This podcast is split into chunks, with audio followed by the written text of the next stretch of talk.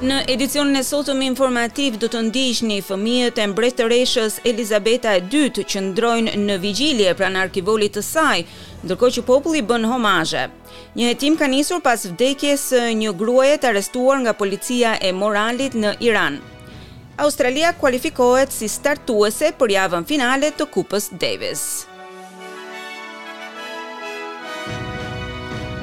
Fillojmë më gjerësisht me lajmet. Mbreti Karl ka qëndruar në vigjilje pranë arkivolit të nënës së tij në Westminster Hall së bashku me princeshën Anne, Princin Andrew dhe Princin Edward. Ndërkohë, teksa qëndronin në vigjilje, populli vazhdonte të bënte homazhe rreth mbretëreshës, si dhe princave, princeshës e mbretit të ri. Ata qëndruan rreth arkivolit të mbështjellë me flamur për rreth pesëmbëdhjetë minuta. Tetë nipërit e mbretëreshës Elizabeth pritet të qëndrojnë në vigjilje pranë arkivolit të saj sot. Ndërkohë britanikët kanë mbetur të vendosur që të nderojnë mbretëreshën e tyre edhe pse pritja në radhën e homazheve tashmë është disa orë. Qeveria britanike ka paralajmëruar se koha e pritjes për të mbuluar rreth tetë kilometra radhë në parkun Southwark deri në shtëpinë e parlamentit ka arritur në më shumë se njëzet e tetë orë dhe temperaturat gjatë natës ishin të ftohta.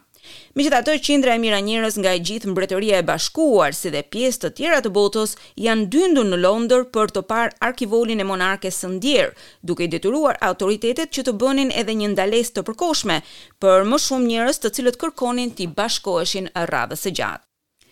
Shtetet e Bashkuara thonë se nuk kanë plane që të takohen me Rusinë në Takimin e Kombeve të Bashkuara kësaj jave, pas raporteve për zbulimin e një varri masiv në qytetin e rimarrë nga Ukraina të Izium. Mbledhja vjetore e liderëve botërorë do të mbahet në Kombet e Bashkuara kësaj jave. Ministri i Jashtëm rus, Sergei Lavrov do të udhëtojë në Nju Jork për takimin e Asamblesë së Përgjithshme të Nivelit të Lartë ku pritet të marrin pjesë Presidenti i Shteteve të Bashkuara të Amerikës Joe Biden, si dhe Sekretari i Shtetit Antony Blinken. Por ambasadorja e Shteteve të Bashkuara në Kombet e Bashkuara, Linda Thomas-Greenfield thotë se Amerika do të takohet me ukrainasit. There are no plans at this time to have meetings with the Russians. Nuk kemi asnjë plan në këtë moment për t'u takuar me rusët, as ata nuk kanë treguar se kanë interes për diplomacinë. Ata janë të interesuar të vazhdojnë luftën e paprovokuar në Ukrainë, e ukrainasit po punojnë për të mbrojtur vendin e tyre. Qeveria ruse ndërkohë thotë se ka shtuar dyzet e një lobistë australianë të mbrojtjes, reporterë dhe anëtarë të këshillit lokal në listën e personave të ndaluar të hyjnë në Rusi. Gazetarë të ABC, Nine News, Seven News, Ten News, SBS, Sky News dhe Australian janë përfshirë në këtë listë së bashku me disa akademikë. Ministria e Jashtme e Rusisë ka publikuar një listë të zezë në atë që tha se ishte një përgjigje ndaj sanksioneve të motivuara politikisht nga qeveria australiane kundër individëve rusë, të vendosura pas pushtimit rus të Ukrainës në datën njëzet e katër shkurt. Ministria e Jashtme e Rusisë thotë se australianët në listën e zezë kanë formësuar agjendën anti-ruse. Presidenti ukrainas, Volodymyr Zelensky ka bërë thirrje dje për komunitetin global që ai ta njohë Rusinë si një shtet sponsorizues të terrorizmit pas zbulimit të një varri masiv në Izium në verilindje të Ukrainës. Presidenti Zelensky tha se mungesa e një vendimi të tillë do të ishte e barabartë me një tradhti ndaj të gjithë atyre që humbën jetën në territoret e pushtuara nga Rusia. Zoti Zelensky ka njoftuar se qindra trupa janë gjetur të torturuar, të qëlluar e të vrarë nga granatimet në varrezën masive në Izium. Shtëpia e Bardhë komentoi të dhënat e fundit nga Ukraina për zbulimin e një varreze masive e cila u gjend në këtë zonë të çliruar nga pushtimi rus. Autoritetet në Iran kanë nisur një hetim pasi një grua e re vdiq pas arrestimit të saj nga policia e moralit duke zbatuar rregullat strikte të veshjes së hixhabit në Iran. Shamia është e detyrueshme për gratë që jetojnë në Iran pas Revolucionit Islamik të vitit një mijë e nëntëqind e shtatëdhjetë e nëntë dhe anëtarët e policisë morale zbatojnë kodin e rreptë të veshjes. Policia tha se njëzet e dy vjeçarja Mahsa Amini u dërgua në komisariat për t'u bindur dhe edukuar, e më pas pësoi një atak fatal në zemër. Ata mohojnë akuzat se ajo u rrah ndërkohë që të afërmit e saj thanë se ajo nuk vuante nga një sëmundje e zemrës. Një numër në rritje të klientëve në Liban po sulmojnë bankat në mënyrë që të marrin paratë e tyre. Depërtimet reflektojnë zemërimin e publikut ndaj kontrolleve të rrepta informale të bankave mbi tërheqjet e parave, një nënprodukt i krizës financiare. Depozuesi i fundit është Abed Subra, me negociata ende në vazhdim mes tij dhe zyrtarëve në Bankën Blom të Bejrutit, Edhe deputeti libanez e ish ministri i Drejtësisë Ashraf Rifi është përfshirë në negociata. Ai u fut brenda në bankë, por u largua pa sukses. Subra thotë se ka kaluar ditë të tëra duke u lutur që të merrte paratë e tij, përpara se të vinte vetë personalisht në bankë për të kërkuar drejtësi. We went in very politely and we didn't do anything wrong to anyone and we didn't break anything and we didn't have any weapons and we don't Ne hymë në bankë me shumë mirësjellje, nuk i kemi bërë asgjë të keqe askujt. Nuk kemi thyer asgjë, nuk kemi patur armë, ne nuk mbajmë armë. Siguria dhe forcat mund ta dëshmojnë këtë, por ne duam të drejtat tona. Kalojmë në Itali, punonjësit e urgjencave dhe vendasit kanë filluar pastrimin e mbeturinave të mbetura pas përmbytjeve të mëdha të cilat morën dhjetë jetë njerëzish.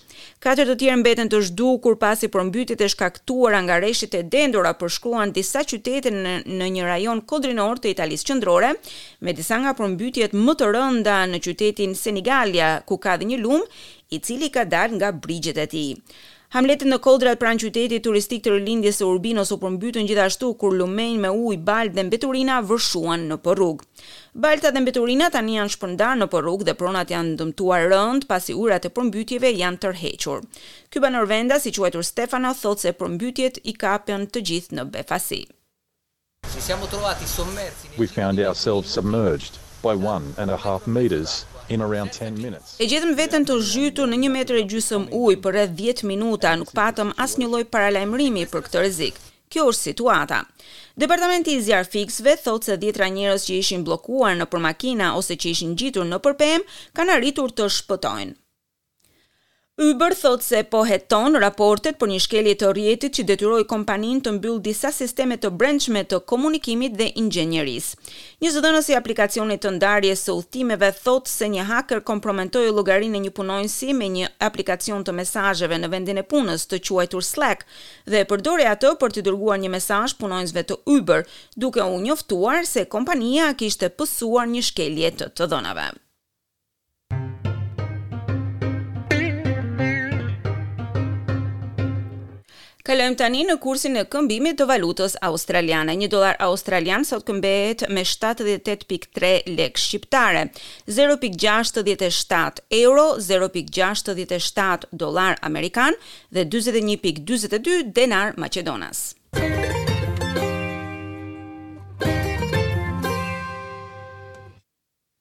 Dhe kalojmë në sport, skuadra australiane e Lleyton Hewitt është konfirmuar si e kualifikuar për javën finale të Kupës Davis.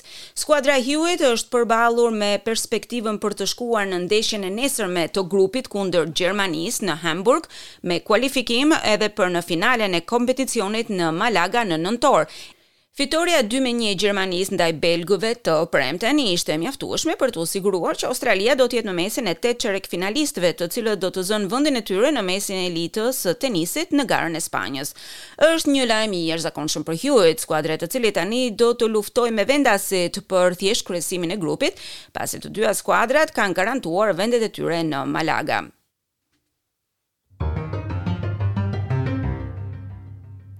Dhe kalojmë në parashikimin e motit. Sot nëpër qytetet australiane u regjistruan këto temperatura, Sydney trembëdhjetë, njëzet e tre, Melbourne nëntë, pesëmbëdhjetë, Brisbane gjashtëmbëdhjetë, tridhjetë, Perth nëntë, njëzet, Adelaide dhjetë, gjashtëmbëdhjetë, Canberra pesë, katërmbëdhjetë, Hobart shtatë, shtatëmbëdhjetë dhe Darwin njëzet e katër, tridhjetë e katër, gradë Celsius. Për nesër, Byroja e Parashikimit të Motit sjell këto temperatura, Sydney dymbëdhjetë, njëzet e tre, Melbourne dhjetë, gjashtëmbëdhjetë, Brisbane pesëmbëdhjetë, njëzet e tetë, Perth tetë, njëzet, Adelaide njëmbëdhjetë, gjashtëmbëdhjetë, Canberra pesë, pesëmbëdhjetë, Hobart gjashtë, gjashtëmbëdhjetë dhe Darwin njëzet e pesë, tridhjetë e katër, gradë Celsius. Dëgjuat edicionin informativ.